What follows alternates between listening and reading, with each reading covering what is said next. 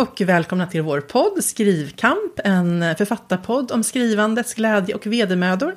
Jag heter Lisa Bjerre. Och jag heter Malin Havind. Malin, har du några nyheter att berätta i det här avsnittet? Ja, det har jag. Eh, ja, nej, men jag var ju då förra, för en vecka sedan, så var jag på förlaget. Och det var ju dels då för att eh, få liksom den första responsen från Ann-Marie, förläggare, som på mitt manus då till den tredje och avslutande delen i min Ö-trilogi. Eh, men jag eh, gick ju också därifrån med ett nytt avtal på nästa bok. Så jag, jag har ju liksom hintat om att jag skulle skriva den här, men jag hade ja. liksom inte det här... Det, jag vet inte varför, men ibland tycker jag just det här att jag, och jag har liksom, och jag och Ann-Marie hade pratat om det här, att jag ska presentera den här idén för henne, men jag har liksom bara gått och hållit på det av någon anledning. Men till slut då så fick jag ju äntligen ur med det där, och hon tyckte att eh, hon, hon var eh, mycket sugen på, på den idén och tyckte att det var en eh, bra grej. Gud vad roligt. Ja, så det, så det kändes, och, ja, hon, ja, vi satt och pratade jättemycket om den också, det var väldigt, det är kul liksom. Och jag är... Nu ska jag ju då först och främst egentligen redigera, egentligen, men det ska jag göra, redigera då in mot Sten i strand som mm. sista delen kommer att heta. Men jag är också liksom verkligen, jag är igång. För jag har mycket research. Jag kommer sitta då på handskriftsavdelningen, eller i speciallässalen då på, på KB. För nu är, det liksom, nu är det gamla brev och grejer. Eh, och det, ja, så jag satte igång förra veckan och det är mycket, mycket roligt. Vad kul! Ja. Men, det, men var du nervös innan? Jo, men alltså, det är man ju alltid, eh, tycker jag. Alltså, ja, jag tycker ju att det här är en bra idé och jag, återigen, jag är ledsen att jag är så okonkret. Jag kommer bli konkretare. Men det, det är verkligen någonting, jag skrev om det här på Instagram, att det är lite som en så här tidig graviditet. Att man, mm. um, och så tror jag också att det är att nu har jag liksom skrivit om det här om min egen släkt och det känner jag mig så, det är ju så här, ja det är så på något sätt så självklart att jag skulle skriva om den. Eller liksom, mm. det var, men nu skriver jag inte om min egen släkt, men no någonting historiskt och om eh, personer, det ska bli skönlitterärt, men det kommer ändå liksom utgå från personer som har funnits. Mm. Eh, och då blir jag lite mer, jag blir lite mer så att jag liksom sätter upp ett litet skydd inför det. Eh, åtminstone så här tidigt i mm. processen. Men eh, jag kommer väl eh, läcka som ett såll så småningom. men än så länge så, ja men jag, precis, jag tyckte att det här är en kanonidé. Eh, men det vet man ju inte alltid om andra tycker. Men det var jätteroligt eh, att eh, Ann-Marie tyckte det. ja, verkligen. Men var det som att hon liksom halade fram ett kontrakt då? Bara så här, det här, här måste vi skriva direkt. Nej, men jag hade ju då skickat till henne liksom en slags presentation och sen hade vi pratat på telefon. Dels mm. vi bokade det här mötet och, och då, då, då, då sa hon, jag tycker att det här låter jätteintressant och så vidare. Och, eh, så att eh, jag visste inte att vi skulle skriva då, eh, men vi skulle, att vi skulle liksom prata om det. Men det var, det var ju jätteskönt. Det, det är ju någonting bara liksom det här att veta att man har en riktning. Mm. Att man vet, okej, okay, nu gör jag det här vad ska jag göra sen? Och att veta att det också att det faktiskt blir någonting, att det kommer bli en utgiven bok. Ja. Eh, det är väldigt, för ens psyke mm. är, det, är det viktigt. Verkligen, jag tycker att det ger ett helt annat driv då. Och mm. alltså då är det på riktigt, att man, mm. har, man, har, man skriver på med någon och man kommer, som, det är en affärsuppgörelse, jag ska ju nu leverera den här, mm. det här materialet. Ja, men det, blir någonting, det blir liksom skärpning i processen. Ja men precis, och så pratar vi just om tiden och så, hon bara, vad tänker du? Jag bara, jag vill gärna liksom hålla exakt samma cykel som jag har mm. haft hittills. Att jag liksom har lämnat ett råmanus i, under hösten. Och sen har det liksom kommit då, och så har det varit en bok liksom, som kommer ut sensommar, tidig höst, året efter. Mm. Så jag vill, jag vill gärna liksom, jag vill inte komma ur den, utan jag vill ha den lunken liksom. Mm. Och lunk är ju ett felaktigt ord, för det är ändå en ganska insi, liksom, ja, eftersom det inte är det enda man gör. och jag tror ju att, jag kommer ju så att säga pika i researchmängd den här gången. Och det mm. kommer inte vara den lätta ring till mamma som jag har haft nu. Även om det inte är det enda jag har gjort. Liksom. Mm. Men nu kommer, bara en sån här sak, när man liksom gräver ner sig i gamla brev, det är inte jättelätt alltid att läsa dem. Nej, Nej verkligen. Så att eh, det kommer ta sin lilla tid. Ja. Men eh, jag ser mycket fram emot det. Ja, Men sen gammal, du kommer ju bli jätteskicklig på att tyda det här, skrivstil, gammal skriv, gammaldags skrivstil. Ja, jag är, det, jag är inte skicklig nu, men jag eh, hoppas att jag Om blir. tre månader kommer du kunna precis. tävla i det. Ska jag åka runt och hålla kurser. Ja, nej, men så där, där är jag. Så jag är väldigt mycket i två olika världar just nu. Liksom. För jag gjorde en rivstart med det där. Och det var ju det när jag var på den här researchresan här. Det var ju också det projektet. Liksom. Så nu är jag på två platser.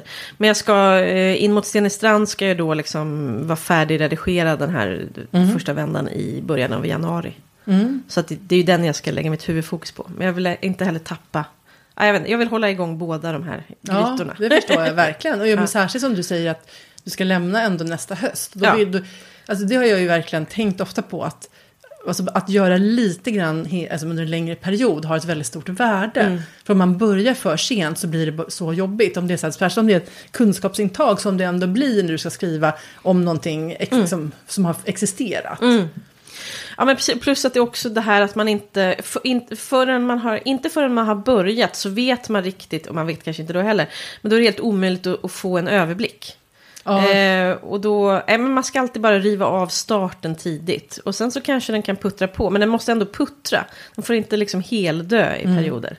Eller jag, faktiskt, jag, faktiskt, eh, jag planerar att heldö dö mentalt. Nej, jag skojar. Under Nej, men, jul? Under jul. Ja, Men liksom tänker mig att, att två veckor då jag bara ska läsa saker, liksom lustläsa skönt. grejer. Sen är väldigt mycket av det jag lustläser kommer handla om det, för, Mm. för det, jag tycker det är så roligt. så att det, det är liksom... ehm, det Det är en bra in förutsättning också Ja, men verkligen. hamna. Eh, men i övrigt så, så ska det puttra. Mm. Men två veckors eh, i mental slapphet ska jag unna mig. Ja. Så där, ja, där är jag. Var, var är du? Ja, jag vet inte. Jag har väl liksom... ehm, Jag har gått lite grann in i tungsinne. Och eh, alltså, alltså, jag växlar mellan enorm entusiasm och tungsinne kan man säga. Så ovanligt. men nej, men jag har ju varit lite mer tungsint än vanligt den här hösten i och med dödsfall och så. Ja. Men, men och, då, och då tänker man ju lite på livets meningslöshet här och där. Eh, och, eh, men just när det gäller skrivande så har jag väl också tänkt, ja, men jag, kan, jag tänkte så här igår, jag tänker bara så här, ja, men en tråkig tanke som, jag, som är så här att, som jag ändå fnissar lite åt också ska jag säga, det är inte så allvarligt, men, men, men det kanske var så, alltså jag tänkte så här, när jag och, när Piratförlaget lanserade min och Susannes serie förra våren, våren, ja, våren 2021 var det, eh, lanserades i maj, då köpte Piratförlaget en helsida i Svensk Bokhandel, ett helt uppslag menar jag, i Svensk Bokhandel, med annons för vår serie. Det är egentligen inte först nu som jag har förstått så här hur ovanligt det är. Det var ju en väldigt stor satsning eh, och eh, de, vi skickar ut förhandsexemplar av boken tidigt till bokhandeln och allting. Och det har bara slagit mig så här, ja det kanske var då jag pikade. Nej, men, ja. Med den annonsen. Ja, precis. Det kanske var innan jag debuterade så jag pikade. Ja, jag I liksom som författare. Eh, och, så, jag, jag, liksom, så det är liksom väx, en så blandning mellan så här, tack, alltså jag, jag tycker Susanne och jag, vi har nog alltid den här inställningen att vi är så här tacksamma och Alltså tacksamma och glada, nu menar jag inte att vi står med mössan i handen, men Nej. vi känner en, en väldig glädje över det vi får uppleva. Liksom att wow, nu får vi åka på den här festivalen, vi får vara med, liksom, vi får med i det här sammanhanget, gud vad roligt och vad spännande. Det är ju på något sätt upplevelse som är livets mening. Eller kanske vara snäll mot andra också, men, men jag känner ändå, jag, jag upplevelse är viktigt, det vet jag att du också tycker. Men, men samtidigt kan man ju ändå känna så här att, ja men det är väl just det här att man, att, att vad ska man säga, jag också funderar på det här, men om, om det nu inte går uppåt så att säga. Hur länge, ja men det har vi pratat om förut, men liksom hur länge eh, mäktar man hålla på? Alltså om man, för, jag, för det, det är nog, nu ska vi prata i nästa avsnitt om pengar, nu kanske vi kommer in på det lite mer konkret liksom, för att du kanske ska spara det till det. Men, men, men just det här, liksom så här om, man inte, om det bara blir liksom en hobby, liksom, hur länge, alltså man inte får in en krona, alltså man inte kan få in någon tid, alltså betala sig lite mer tid då, på sikt. Hur liksom, länge orkar man hålla på? Och då har jag nog tänkt så här att Alltså det är klart att jag vill skriva så länge jag lever. Men jag Ja. tänker just att, att kanske också få öppna en dörr och säga så här, det är helt okej att ta en paus. Eller det är helt, okej att säga så här, nej men det blev nog ingen försörjning just nu i alla fall. Eh, och, och då får jag göra någonting annat. Alltså om man, om man vill det. Alltså bara få vara liksom, så att man inte är för hård mot sig själv heller. Förstår du vad jag menar? Eh, ja, Du bara, det, kände, men alltså, det är inte det att jag vill sluta skriva. Nej, men jag kan jag känna för- ja. just det här att, alltså ändå strävan för mig har varit liksom att jag vill kunna få en inkomst på det. Ja. Och, då, och det, det kan man ju inte bara kontrollera själv till en viss eh, grad. Ja, nej, men så, så är det ju verkligen. Och det är klart, alltså, ja. ja jag, jag, jag, men det är återigen, jag är så ostrategisk. Eller, ja, och ka- kanske lite så naivt hoppfull, liksom. Att det ska, inte att jag tror att allting bara ska så här, gå bättre och bättre och bättre. Eller hoppas man ju såklart, Ja. alltså, det måste man ju hoppas. Men även om jag inte med bättre och bättre och bättre liksom menar att det var åh, och så blev det världssuccé. Det tror jag inte. Ehm, men eh, ändå någon sån grund förhoppning. Och, och att jag kanske inte tänker mig att det kommer gå särskilt snabbt heller. Nej, men det är ju väldigt klokt. Eh, utan att jag... Att det liksom... Det går. Ja. ja, jag vet inte. Men återigen, jag, vet inte, jag, Ja, men- jag har sagt ja. det så många gånger att jag liksom ser själva liksom skrivandet det här att, jag, att, det ska, och åt, att det är det här med att den här psyken då var så viktig för mig. Att den, Mm. ehm, och då är det ju inte bara att, att jag bara vill skriva utan jag vill ju också bli utgiven såklart. Mm. Liksom. Att den psyken håller, och den för mig är väldigt mycket den här ja, ledstången i livet. Mm. Så därför blir det liksom att tänka att den... Men alltså man vet ju ingenting om någonting. Nej, alltså, man kanske inte ens kan skriva, men det kan Nej. hända massa saker. Ja. Men nej, men absolut. Jag känner väl också det. Det är väl bara det att, jag jag har också den här, jag tror ju verkligen på det här, bo, en bok i taget och att, Mm. eller ja, ett, eller ett år i taget som jag sa någon gång. Men alltså, alltså, att även om man kan tänka framåt så är det ändå så här, här och nu, nu ska jag skriva det här, lägga mer tid på att skriva än på att fundera, Mm. Ja. är ju en bra grej. Men, men just det här, ja, man kan ändå känna en, liksom en, litet vemod också så här, att man inte riktigt, ja men att, eh, jag vet inte, att det kanske förhopp, alltså man kanske börjar känna, eller kanske börjar känna ett litet tvivel så kanske. Att jag har Ja, jag så länge, jag tror att jag har haft ganska mycket skygglappar länge för att jag känt att jag får inte tvivla på att det går vägen för då kanske jag inte orkar i mål. Eh, och nu att man börjar känna så här, ja, ja men det kan, det kan gå, man vet inte, alltså, det, kan, det kanske inte går. Men tänk ändå så många sådana liksom, historier finns där liksom, eh, någon författare har hankat på. Så, så kanske det är den åttonde boken som det liksom Ja. lyfter på. Alltså, det finns ju många, många sådana exempel. Absolut. Och det jo. tycker jag är det man får... Men så länge det är roligt, ja men precis, det är ju Ja. roligt fortfarande. Ja, precis. Det- Och, ja. precis. och tycker man inte det, då är det ju... Nej men då ser man ju Ja. verkligen något annat. Men, det, men det är väl mer att jag har tänkt också så här att, att, att man kanske blir lite insnöad. För att, alltså, att "Åh, jag ska skriva, jag ska skriva. Och det, men, och det vill jag ju. Men jag tänker att det finns ju många andra kreativa saker att göra också. Och jag har ju också haft andra saker och projekt och liknande. Som, som jag har känt var viktiga och angelägna. Och även om det alltid är på något sätt ändå Skrivande är ju alltid en del av det. Alltså det, liksom att, det kan handla om att, äh, att typ lansera en sajt med information inom... Alltså någonstans handlar det om text hela tiden, för det är det som jag håller på med. Men, men, men, men vad ska man säga, det, jag tänker ändå så här att ja, men det kan, man kan ju tänka sig att man gör en sån grej i framtiden också. Alltså man måste, liksom att man ändå får, får liksom bredda, bredda blicken, att man kan man, man, att försöka... Att man, tillåta offra, sig, man ja. måste inte offra hela sig på... Nej, om man inte vill. Det man inte liksom. vill, precis, Ja. man inte vill. Men, men, men det sagt så har jag ju varit, eller jag är ju väldigt taggad. Fast nu just nu känner jag mig lite trött. Men, men, men jag har... Ja, men ni har ju precis gått i Ja. mål liksom, efter en intensiv och ja, eh, krävande process. Liksom. Ni Ja, men precis, gjorde det ju väldigt ja. eh, på kort tid helt enkelt. Ja, absolut. Och sen och så precis efter kände jag mig... Eller du vet, vad jag kände ändå så här att ett tag var jag, var jag väldigt trött. Och sen, men sen direkt efter så var det verkligen så här, alltså den här rynruset. Att jag bara, man bara vill springa över mållinjen och in på nästa ris liksom. Så, sen har jag, jag känner mig lite trött nu, men jag känner ändå så här att jag vill komma igång med bok fyra, att vi ska planera den och så. Eh, och då har Susanne och jag pratat om att jag kommer förmodligen göra lite mer eh, jobb i den här. För att hon har ganska mycket annat. Eh, eller har sitt eget projekt som hon gärna vill avsluta. Och då var en annan sak jag tänkte på. Alltså det här med idéer. För att, alltså, när jag var liten så lärde min mamma mig så här. Ja, men om, man, om, man, om man glömmer bort någonting man skulle säga eller så. Så är det så här, ja, men om det var viktigt så kommer du ihåg det igen. Eh, och en del, fan. Det, är inte sant. Men, och, det, och sen så har jag också hört en del som pratar om idéer. Som är så här, ja men liksom, om jag får en bokidé eller någonting då. Eller, Vilken idé som helst. Ja, men är den värdefull och bra så kommer den återkomma. Och jag känner så här, det kanske har med livsstil att göra. Men jag tänker på väldigt många olika saker. Ja. Liksom.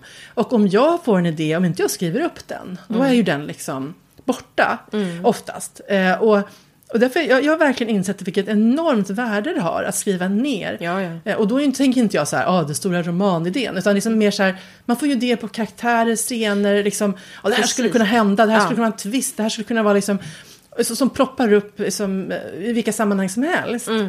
Eh, Och då är det absolut så att ju mindre stressad man är, desto mer idéer kommer ju tycker jag. Liksom, ju Mm. mer liksom, lugn man har att, att, för att få den här undermedvetna att jobba.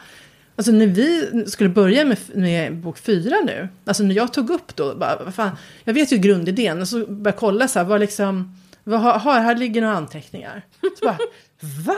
Gud vad bra! Alltså, liksom, ja, men, ja, men då, jag kommer ju inte ens ihåg liksom, att jag skrivit ner de här grejerna. Och så, så bara kände jag här, gud, tänk om man, tänk om man inte hade, tänk om man struntat i det. Man har tänkt så här, bara, nej, är det det är viktigt? Ja. Nej, men jag tror absolut kanske på livsstil och stressnivå och så vidare. Men så tänker jag att bara hjärnor funkar olika. Och det får du, och är du en person som får en ganska liksom elaborerad, en väldigt utförlig idé var tredje år. Eller är du en person som får liksom tio idéer om dagen. Mm. Det är klart att det är, och, och ibland det får man vaska fram det som är någon form av guld liksom. Så det tror jag, nej men det är klart man ska få skriva upp. ja, verkligen. Ja, det gör jag alltid. Ja, men för- så mycket ja. märkliga anteckningar i mobilen. Jo, men det, det har ju ett värde, ja, men det, har ju- det har ju ett värde och att, för även om du, ja men precis, om du har så skrivit ner små idéer till, till en bok liksom, under lång tid så blir det ju också mer, det blir mer eh, komplext, du har liksom mer att jobba med liksom, än om du bara ska sätta dig och det, nu ska jag komma ihåg allt det bra liksom, på, en, på ett enda tillfälle. Men just det, jag tycker just de där som du var inne på, de här små grejerna. Det som är liksom att man kommer på någon konstig, något konstigt beteende som en person kan ha. Eller någonting som är, eller en replik som faller sig väldigt. Alltså det, det, det, ja, det är ju jättebra att fånga upp sånt. Så har man det sen och kanske, att kanske använda. Ja men precis. Och det i sig kan ju väcka mycket inspiration, tänker Ja jag. men verkligen. Och så känns det ju väldigt bra då när man öppnar det och bara, men här fanns ju lite grejer. Ja, liksom. det är inte, titta man börjar inte från noll. vad vi har gjort. vad bra vi är. Ja, det är underbart när man känner så. Vilken kreativ människa jag jobbar med. Men har ni liksom satt någon tidsplan nu för fyran? Nej, och jag var ju så här. Jag, var, ja, jag, jag, har- jag har skrivit en tidsplan och jag Mm. har bollat den med Susanne. Eh, och ehm, skulle jag skickat den till Ann-Marie, men så kände jag så här. Jag vet, man känner sig själv ändå efter ett antal år i livet Mm. och bara. Nu tar vi det lilla piano här liksom. vi måste inte kasta oss ut så här. Nej. Du vet, jag hade tänkt skicka den på eftermiddagen efter boken hade gått i tryck. Och då kände jag så här, men nu, lugn, nu, liksom, nu lugnar vi oss lite. Bara sover på det en eller två veckor. så, att, ja. så jag tänker att, ehm, att jag kommer ju att ta upp det. Men, Ja. men jag måste inte göra det exakt nu. Nej. För jag vet ju också att, att eh, de kommer ju inte heller... Jag jag, men Ann-Marie räknar ju med att vi kommer ge ut Fok 4 nästa eh, år. Eller nej, mm. 2024. Just det. Våren 2024. Så att det är inte det att... eh, Men, men då blir det ju ändå så att vi kommer, alltså för att få mer tid i redigeringen så, så bör, bör vi nog lämna manus åtminstone. Alltså bästa vore ju att få en, om vi kunde få en förläggarläsning före sommaren. Eh, Så att man kan redigera, istället för att, för nu var det så att, vi, att Ann-Marie läste första versionen kanske första september. Ehm, så att eh, om, om man istället kan börja redigera första september hade det ju varit väldigt bra. Eller någonstans där. Mm. Så att man har tre månader nästan då ju till redigering och korr. Just det. Så det tycker, tror jag är en ganska rimlig liksom, ta- tankegång eller plan. Visst är det så att ni är eran trea? Den, ni är Mm. först ut på Pirat nästa år? Är det så? Har jag fått för mig? Eh, eh, Jakob Lindfors kommer Kommer ut en- okej. samma dag tror jag. Ja, okej, så det är två på samma. Ja. Ja. Och jag har ju kollat. detta är i januari. Ja men precis, 20 januari är det på Storytel eh, och 25 januari är det i bokhandeln, då officiella datumet. Så. Just det. Så, sen har jag ju naturligtvis kollat vilka andra som Kommer kommer ut för ja. ljud då. Så att, och det finns ju absolut fler, liksom, vad ska säga, starka, det finns starka släpps då. Men Ja. det, har- det är ingen... Det är Hur som, är januari? Som jag har ju så dålig koll på sånt här. Ja, men det har ju varit, på, i Storytel har det ju åtminstone i tre vintrar eh, varit så att säga, mindre, väsentligt mindre konkurrens än det varit då i vår släppperiod, maj-juni. Eller alltså den här hösten. hösten har ju varit fruktansvärd. Alltså vilken, det, är så, det är så många, alltså inom, jag menar, och liksom, inom deckargenren har det ju varit den här liksom bombmatta av riktigt stora släpp. som bara har dominerat hela. Så jag, Ja men det är sant, precis. det är inte bara många böcker utan det är också många stora. Ja. ja det så det har ju liksom, och då lägger de ju sig, parkerar på tio topp och så ligger de där i två månader. Liksom, Ja. Det är ju, det, det är ju, ja, men jag, jag, inte, jag hade inte velat ge ut nu. Nej. Så hade jag börjat gråta tror jag. Så Ja. det, det känns, eh, alltså det är klart att det händer ju att, det är klart att det händer att, få, att, eh, att mindre kända författare också kommer in Mm, på topplistan. Men, men det är givetvis att, eh, svårare såklart Mm. när, liksom, när deckarlyssnarna har så här åtta liksom, som ligger på kö som, som de ska lyssna på. Så det klart att det, Mm. Ja, det är, att det tim- det påverkar. är många timmar som ska förbi. Ja. ja, gud, jag skrattade rått åt, inte deckare nu, men jag vet att eh, eh, Alex Schulman pratade i deras podd, så han, bara, åh, han var liksom så här, åh, man, man får vara etta på topplistan i en vecka. Så man, man bara, ja men för många gånger säger så här, man får vara med på ett hörn någonstans, skvalpa runt 30 en och, och det, ja jag vet inte, man har olika. Ja, och han har ju också, hans, det, där, det där förstod jag inte riktigt för han, Malmö station har ju ändå legat på, alltså, Den låg i flera veckor. ja, att den har sålt, den ligger ju fortfarande och säljer bra nu. Ja, och att det- dessutom eh, bränna alla mina brev där igen då, Ja. på grund av filmen. Liksom. Precis, Ja. att han ska inte klaga. Nej, det ska han verkligen inte. ja, herregud. Du, jag hade ju då också uppmanat dig, uppmanat, jag bad dig att lyssna på en podd. Eh, och det var ju då eh, En varg söker sin podd, som är ju då Liv Strömquist och Caroline Ringskog Ferrara Nålis podd. Eh, och de hade ett avsnitt som hette den lilla bokhandeln på hörnet, tror jag den heter. Eh, som jag tyckte var, jag tyckte var roligt, för det handlade då om bok, böcker och bokbranschen på olika sätt. Och lite så här alternativa ingångar. Ja. Jag tyckte den var rolig. Och liksom två delar i det. Det ena var att de pratade om det här med att samtidens besatthet vid plott, intrig. Att det bara ska så här, varenda sekund i någonting ska det vara någon vändpunkt och något rafflande och så vidare. Och jag kände så himla mycket när jag lyssnade på det där att ja, så är det. Och eftersom jag själv då inte är, alltså det är klart att jag tycker att det ska hända saker. Men att jag är, liksom, jag är inte så plott, jag är inte så driven av det. Så kände jag så här, gud vad jag är off i min tid. Så. Men, men ja, du, du är lite mer förtjust i intrig än vad jag är. Eller? det måste man om man Ja, skriver deckare. Jo, men jag tycker det, det är intressant det där och jag menar, det, alltså, jo, men det, det är väl också så att man har lärt sig av allt tv-serietittande så lär man sig en viss typ av berättande där allting ska ha en betydelse eh, och sen knytas ihop på något sätt. Alltså det blir ju en viss typ av berättelse där det ska, fin- alltså, det ska finnas, alltså alla små, alla, alla Allting blir en egen liten storyline som knyts ihop. Så man förväntar sig också svar på allting. Alltså, det är så jag tänker, liksom, att, att man som läsare, vi har ju exempel när vi har fått kommentarer i så skrivgrupp, så är folk som bara, bara för att eh, vi har beskrivit en tavla i, i en scen, så bara, att det där förstod man ju att det där skulle få någonting betydelse senare. Att allting är en plantering ja, liksom. Ja, precis. Och det blir, då tänker jag det, alltså att man, den typ av intrigbyggande är någonting som vi indoktrineras med, eller lär oss nu att vi ska se. Det där kommer komma tillbaka, det där betyder någonting. Liksom. Just Att det. man jobbar ju så hela tiden i tv-serier. Ja, men dels tänker, det måste ju ha med det och så tänker jag också att det har mycket med ljudboks... eh, Att det, är som, alltså, det är intrig, det är, det är en typ av liksom, det är lättare att lyssna på än någonting som bara liksom är lite mer eh, en, vad ska jag säga, en berättelse som bryter upp kronologin och så vidare. D- Där är det mycket lättare att läsa det på papper än vad det är att lyssna på. Eh, Men på något sätt, så- alltså jag menar ju inte, det där ska ju få finnas såklart. Men jag kan bli, väl, jag kan bli så matt i... Jag, jag, liksom, jag får liksom, jag tappar lite så sugen när allting blir som ett, jag vet inte, ett formulär eller någonting som man ska fylla i. Eller att det ska bli som en jävla rebus. Och, jag vet, och, och, faktiskt tänker jag ofta så här i tv-serier och även en del andra berättande tänker jag ibland i alltså dokumentärpoddar, reportagepoddar och så vidare. Ibland känner man så här, det läggs upp för, det är ju faktiskt inte alltid, ibland tappas ju trådar. Om det är medvetet eller om man bara låter dem löpa ut. Men det händer ju, alltså det är så här, man startar upp för mer än, man, vad, än vad man har täckning för kanske. Och det tänker jag väl i tv-serievärlden är väl annorlunda också, att man inte vet exakt när man ska Nej, sluta. det. För det, det är lite beroende på hur det går liksom. Jo, men då, då blir det ju som att, att man som läsare då vänjer sig vid att man ska ha svar på alla de här grejerna, annars är det fel på något sätt. Då är det så här dåligt, då är det man missat. Ja, Men, det, ja, men det blir ju, det blir ju kanske, jag tänker också kanske det är väl lättare såklart att ta sig till sig en berättelse som är väldigt tydlig. Alltså det blir ju som att man, man alltså som du säger, en rebus liksom, man vet hur man ska vänta sig på något sätt.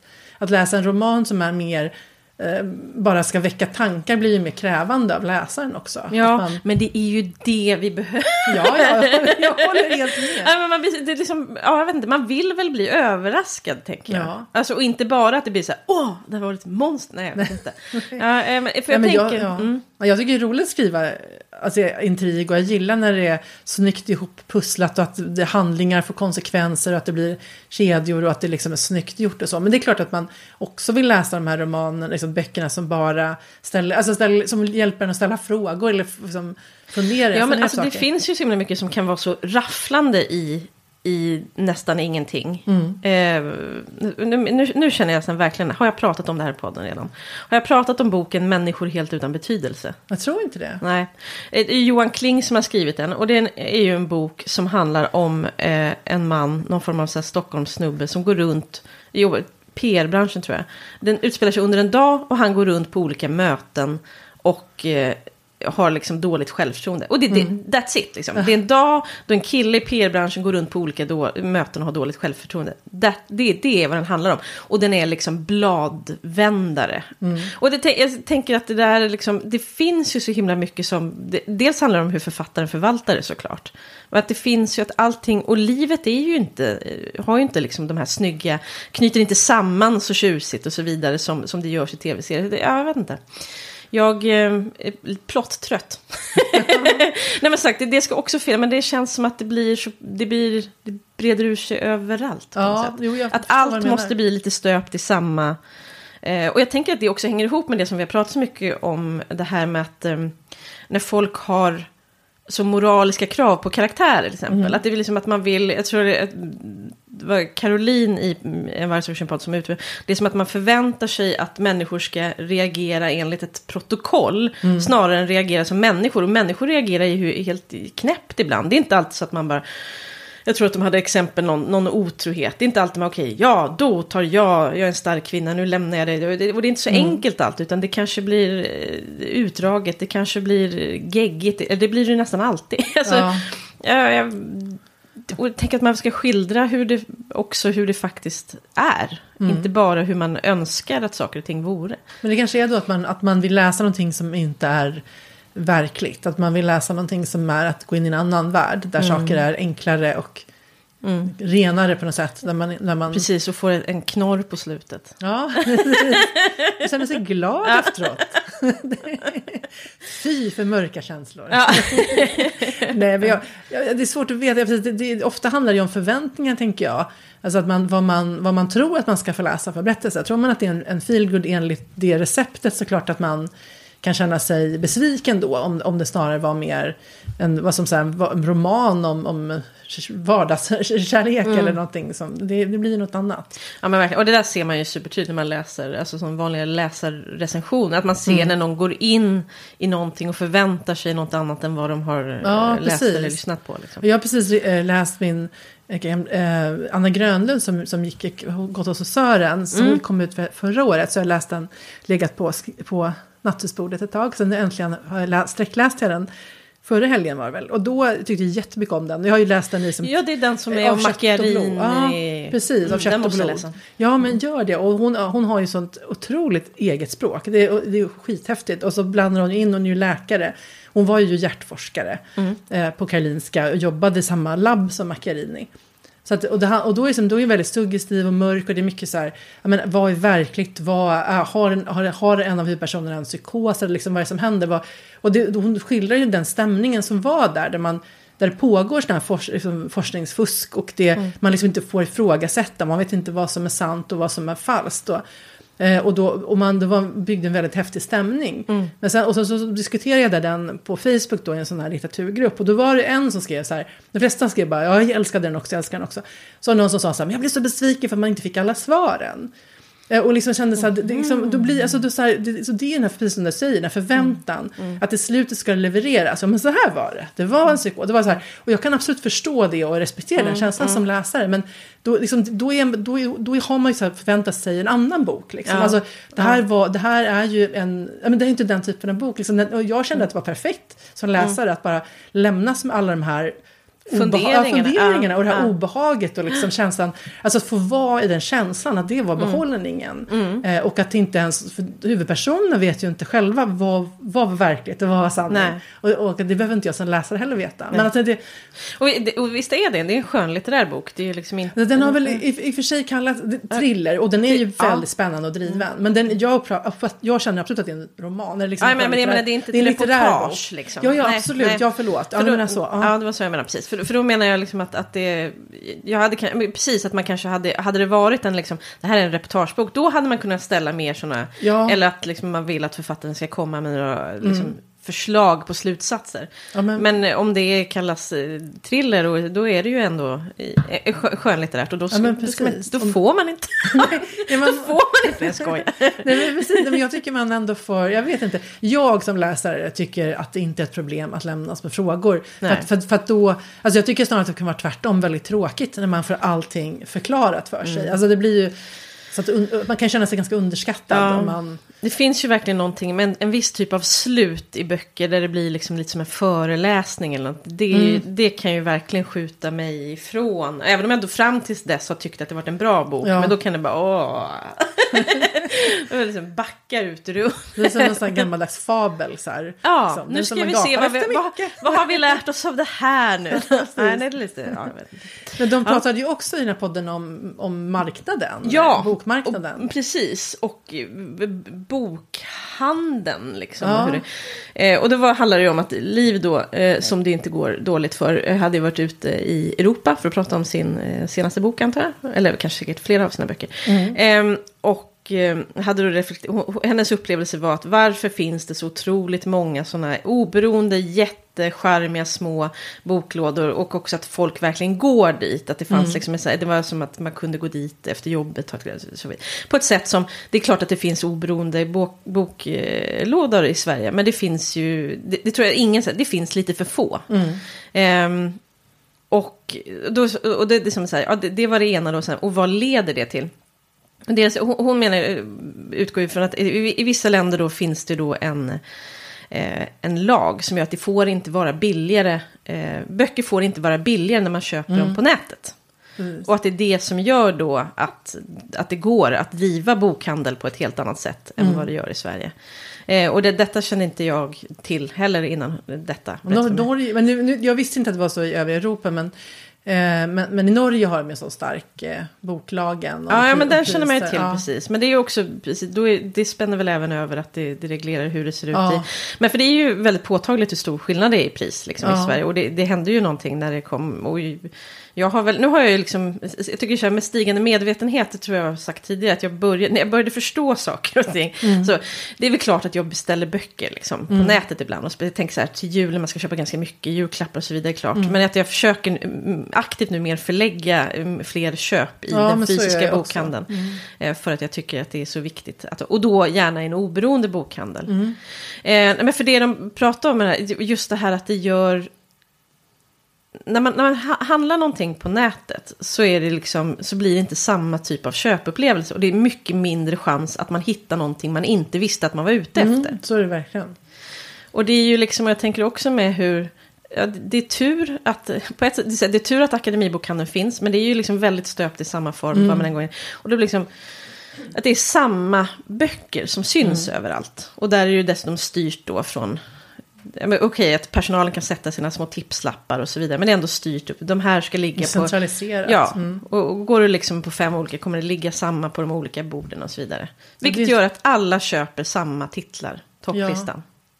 Ja, det är tråkigt. Jag vet, jag vet verkligen inte vad lösningen är. Jag tyckte att, jag, jag förstod aldrig riktigt om, om deras, alltså de skämtade eller alltså om det var jargong eller om de var liksom allvarliga i sin analys.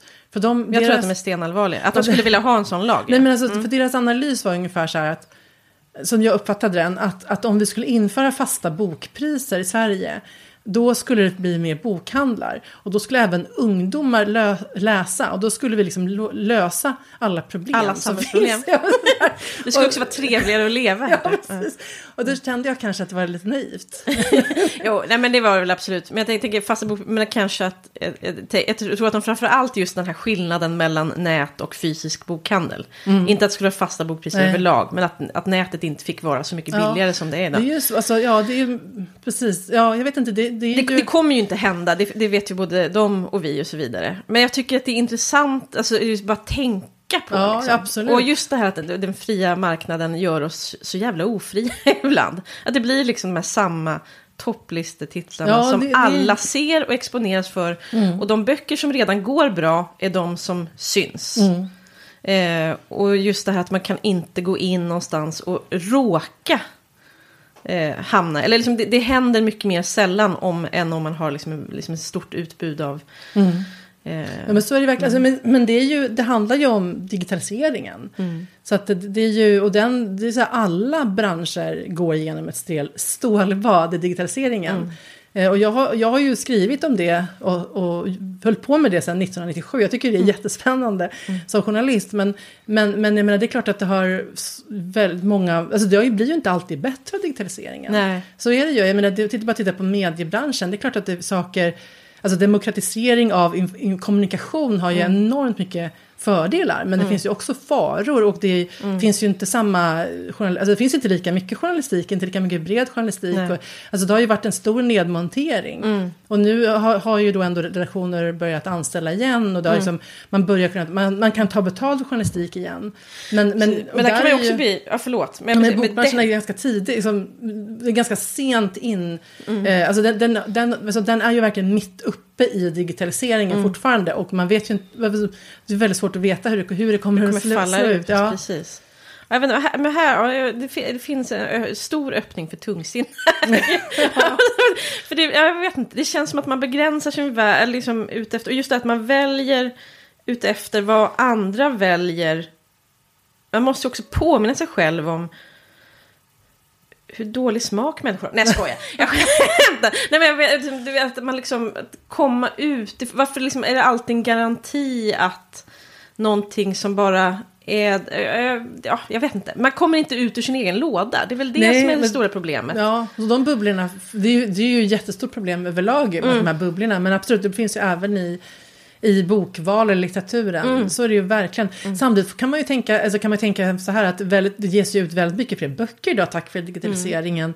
Eh, väldigt många fler människor får tillgång till ljudböcker till exempel. Mm, liksom. mm. Eh, och eh, egenutgivning och så vidare. Liksom. Det, det, det, är ju något, helt nya möjligheter. Ju. Jo, absolut. Så att, och, så, menar, det är ju, men det är klart att det här det, det är väldigt tråkigt när det blir en likriktning ja. eh, i, i vad folk lyssnar på eller läser. Mm. Så, det, absolut, jag har inga svar på det. Men jag menar, mm. och man får ju tänka så här, det här är ju alla, även modebranschen och så vidare har ju, har ju mött samma problem att det inte mm. finns många små butiker längre och det Nej. blir fler kedjor och mm. när citykärnor och förändras. Till och med de slår ja. igen, ja. Ja, men precis. Men, men sen är ju boken en speciell produkt därför att det ja. är inte bara ett par strumpor utan Nej. det handlar om, om demokrati och mångfald och, Bildning, och kultur och mm. röster som får mm. höras i samhället. Mm. Och därför kan man, kan man ju verkligen anse att det finns skäl att skydda den ja. branschen på ett annat sätt, eller de produkterna så att säga. Ja, eh, att, eh, men där kan jag tänka att alltså, istället för att eh, begränsa marknaden, att det finns möjligheter att jobba med, mycket mer med, med, stipendier och olika typer av stöd till, mm. till så att, det, att folk får möjlighet att skriva, så att det inte bara är eh, damer med en välbärgad make som kan mm. säga att jag ska börja bli heltidsförfattare.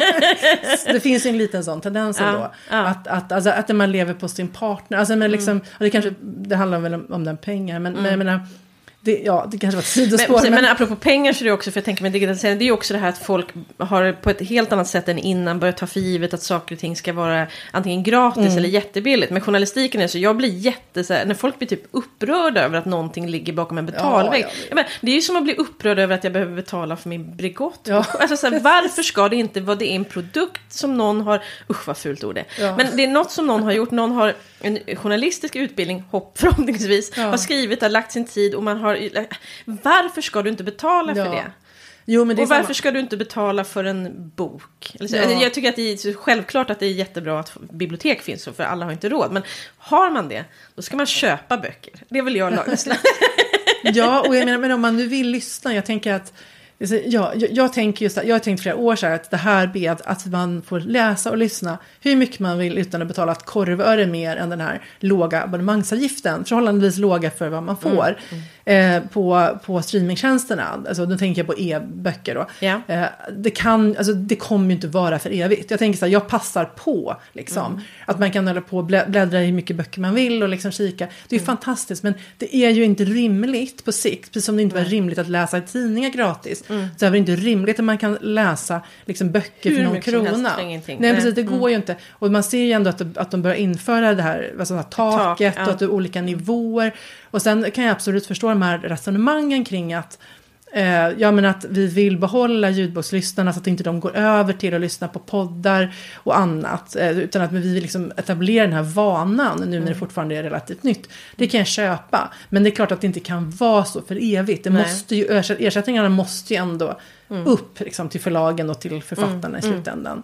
Men, men, och jag tycker att det är väldigt förmätet med de som blir upprörda över det. Och då tänker jag att jag hoppas bara att de inte har tänkt tanken klart. Liksom. Alltså att man, De som är upprörda att de ska betala. Ja, precis. att, de, att, mm, att de ska kunna lyssna liksom, åtta timmar om dagen för 179 kronor. Jag menar, liksom, då, då får man tänka ett varv till tycker jag. Om Ja. man, om man liksom verkligen anser att, att, det är så där, att den produkten, att en bok är värd så lite pengar. Liksom. Ja. Det, det kan inte vara så, det är inte rimligt. Men jag känner ändå en viss, jag tänker att, att det, och förhoppningsvis om några år, liksom, att, det, att den marknaden har blivit lite bättre annat. så att säga. Alltså, men det vet man ju inte, nu blir det så här lågkonjunktur, folk säger upp streamingtjänsterna, det är svårt att veta.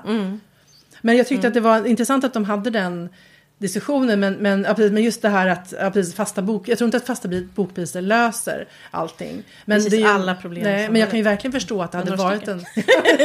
jo, men just att man inte fick sälja billigare på nätet. Mm. Alltså, jag menar, nu är inte jag för den typen av, kanske, jag vet inte om jag tror på den typen av regleringar liksom. Men, men, men jag menar, det hade ju varit självklart jättebra på massa sätt för oss som, som, som skriver. Och, Mm. Ja, liksom, och för de som driver fysisk Verkligen. bokhandel. Ja, gud, det hade ju varit jättekul. Men man kan ju hoppas att det är fler förlag som satsar. Nu är det ändå två förlag, eh, Volante egna, och Verbal, mm, som har egna bokhandlar.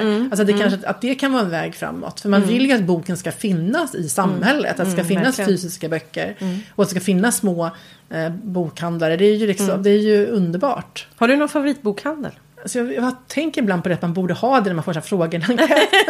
Men i så fall ska jag säga att min nya favoritbokhandel skulle... Alltså jag tycker om jättemycket om, men till exempel i Västervik, men dit kan jag inte åka så ofta. Jag tyckte Vängåvan nu i Sundsvall var supermysig. Det, eh, och sen Gamla Stans bokhandel är ju underbar. Ja, och de har ju också väldigt bra priser där. Så att det, är där, liksom, där, där, eh, de ligger ju inte så himla eh, mycket. Så man, ja, man tänker på nätet och så. Liksom, så här. Och sen tycker jag eh, ny, Hornstulls bokhandel här i Stockholm. Jag har inte varit där ännu. Jag måste Alltså- säga, den är så Jag har gått förbi och bara Ja. åh! men jag blev jag så hade- glad att det finns en. Ja. Jättefint. Jag, hade, jag fick så otroligt bra hjälp där. För jag gick in och sa så här.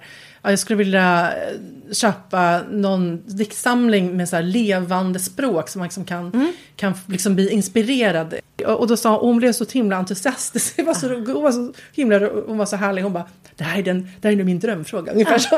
Och så gud, jag köpte två diktsamlingar och så har jag läst eh, halva den ena. Alltså, Mm. Jag känner liksom att, eh, ja, men så här, bara för att få, ja, men jag känner att man måste få injektioner Mm. i språket. Och jag, framförallt det här levande bildspråket så man liksom inte hamnar i alla de här eh, tro, alltså så här, samma formuleringar Mm. hela tiden. Liksom, att man vill kunna hitta andra saker. Man Och, kan lossna lite liksom. mm, och stjäla lite också tänker jag också. Mm. Att det, Det ingår. ja. Ja men det där är väl så drömmöte liksom. Ja. Man kommer in och så ber och så får, får den rekommendera. Och precis, och du går dit med helt öppet sinne. Ja. Liksom. Okej, du vet att du vill ha poesi. Men, men, så här, men du är inte så här. Ja. Jag ska ha den senaste la la la. Liksom, Ja, utan det är... Ja, Och då sa hon så nu måste du komma tillbaka sen och säga vad du tyckte. Så det ska jag också göra. Och tänkte Mm. Ja. att du får, får ett nytt tips då. Så att och det, är- det är ju jätte- jätteroligt. För jag, så där, så, sånt bemötande får man ju inte alltid Mm. liksom på. Men ja, men ska vi... ehm, Runda av. ja, Det gör vi. Eh, på återhörande. hej då. Hej då!